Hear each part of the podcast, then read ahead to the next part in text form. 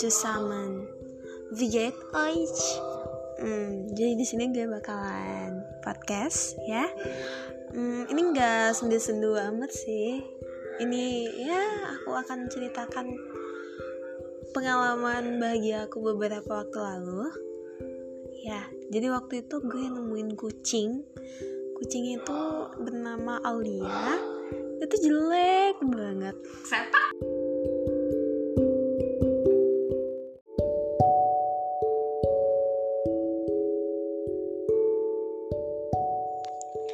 Assalamualaikum warahmatullahi wabarakatuh. Halo semuanya, saya Fahira Indonesia. Saya adalah salah satu mahasiswi di Universitas Negeri Malang. Di sini saya diberikan tugas Citizen Project 1. Dan di sini saya akan menjelaskan peran mahasiswa dalam penanganan pandemi COVID-19. Oke, jadi wabah COVID ini, ya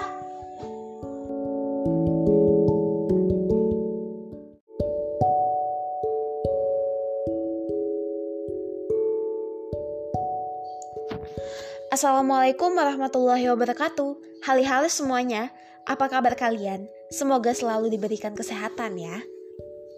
Saya Fahira Ainunisa. Saya adalah salah satu mahasiswi di Universitas Negeri Malang. Di sini, saya diberikan tugas Citizen Project 1. Dan di sini, saya akan menjelaskan peran mahasiswa dalam penanganan pandemi COVID-19. Oke, jadi wabah COVID ini dimulai di kota Wuhan, Provinsi Hubei di Tiongkok. Wabah ini sangat mengguncang dunia hingga terinfeksi ke Indonesia. Data terakhir yang saya baca di laman Kemenkes Republik Indonesia, berdasarkan laporan tersebut tercatat ada 3.891 kasus baru. Total kasus di Indonesia sebanyak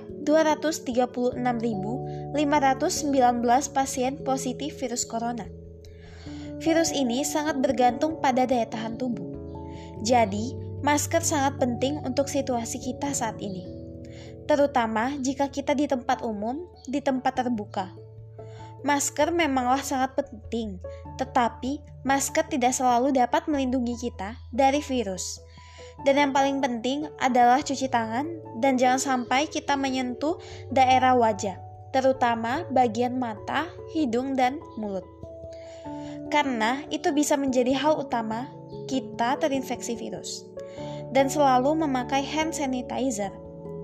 Oke, jadi di sini saya akan menyebutkan gejala dari virus corona ini, yaitu demam, batuk kering, dan merasa kelelahan dan yang paling parah yaitu kesulitan bernafas atau sesak nafas, dan kehilangan indera perasa atau penciuman. Jadi, untuk siapa pun, jika merasakan gejala-gejala tersebut, segera mencari bantuan medis ya. Oke, sekarang saya akan menjelaskan peran saya sebagai mahasiswa di pandemi COVID-19. Jadi, sewaktu virus itu sudah ada di Jakarta, saya langsung mencari masker akan tetapi, pada hari itu semua masker sudah hampir habis. Jadi, saya meminta ibu saya untuk mengirimkan masker yang lumayan banyak dari tempat tinggal saya, karena kebetulan tempat tinggal saya masih memiliki masker yang banyak. Setelah masker tersebut sampai, saya segera membagikan masker kepada tukang parkir, pedagang kaki lima, dan pekerja ojek online yang berada di sekitar kos saya. Dan sewaktu saya pulang kampung, betapa kagetnya saya melihat teman-teman saya masih sangat santai dengan virus ini. Tidak lupa saya memperingati mereka agar jangan sampai lupa menggunakan masker dan mencuci tangan. Jika saya habis dari luar, saya langsung mencuci pakaian dan menjemurnya di tempat panas. Sekian peran saya sebagai mahasiswa di pandemi COVID-19 ini. Semoga saya dan kalian selalu semangat dalam menjaga kesehatan ya. Wassalamualaikum warahmatullahi wabarakatuh.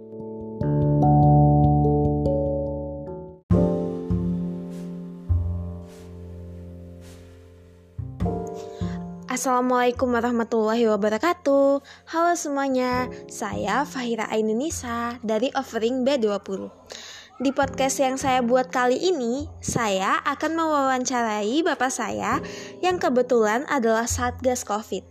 Kira-kira bagaimana ya cara Bapak saya sebagai kepala, kepala keluarga mencegah dan menangani COVID-19 ini, terutama di lingkungan keluarga yang sedang mengguncang dunia ini? Jadi langsung saja ya saya tanyakan bintang tamunya, oke? Halo Bapak, saya ingin menanyakan nih, bagaimana sih cara Bapak mencegah COVID di lingkungan keluarga Bapak?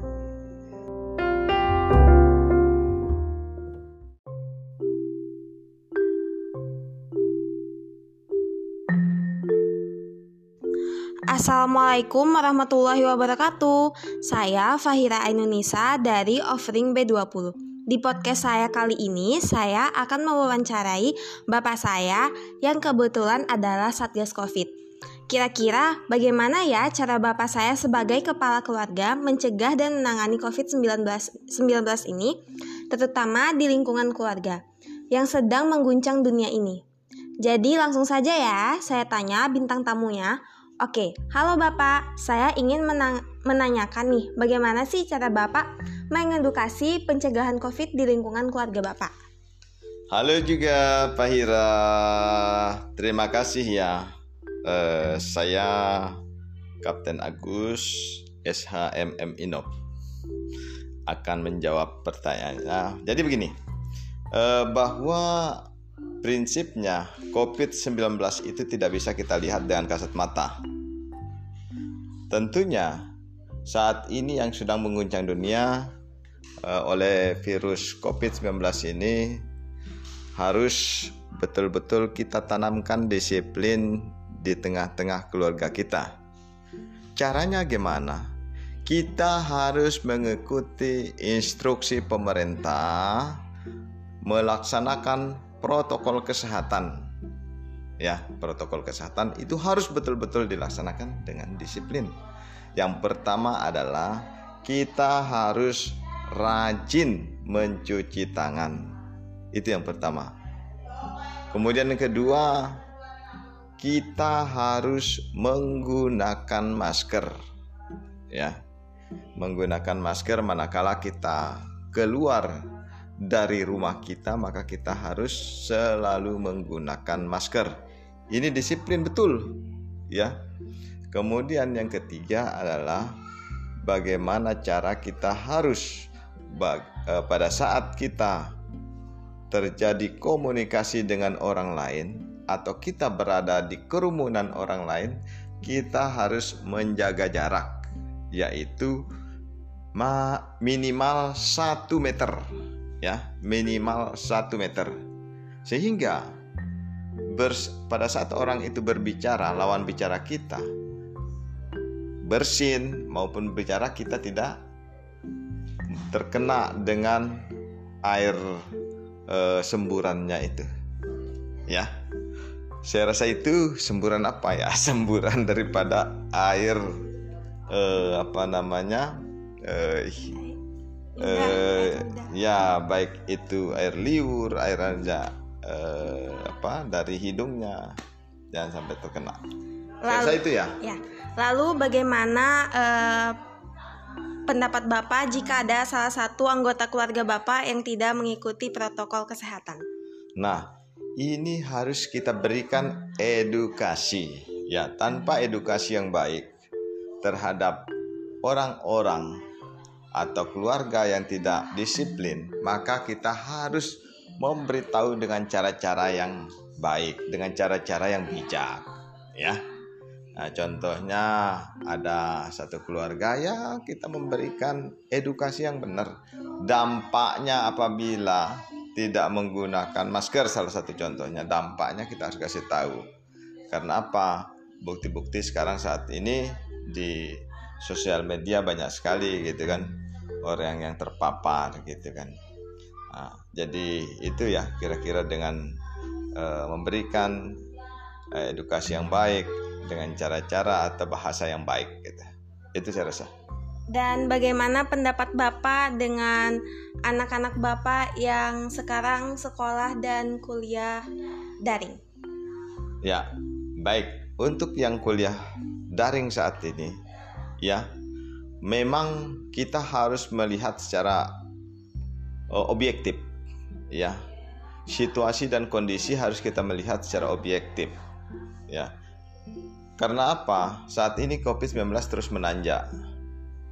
Ya, terus menanjak. Sehingga saya selaku orang tua sangat mendukung eh, kegiatan eh, perkuliahan, sekolah itu harus dengan cara eh, daring, ya teknis daring gitu. Sehingga eh, untuk menghindari uh, lebih banyak terpaparnya ya daripada masyarakat kemudian uh, bangsa dan negara ini yang uh, semakin uh, keterpurukan terjadi uh, ekonomi sosial budaya dan lain sebagainya ya nah ini harus dilakukan dengan cara-cara yang uh, uh, untuk apa Pembelajaran ini dengan cara-cara daring seperti ini harus dilakukan oleh pemerintah. Ya, paling tidak dengan disiplin yang cepat, maka tentu ya, tentu eh, dan insya Allah kita doakan bersama ya COVID-19 ini virus COVID-19 ini cepat berlalu dari eh, dunia ini. Saya rasa begitu. Oke Bapak, saya pikir cukup. Terima kasih atas kesenggangan waktu Bapak untuk diwawancarai. Dan untuk teman-teman, jangan lupa untuk mengikuti protokol kesehatan ya. Wassalamualaikum warahmatullahi wabarakatuh.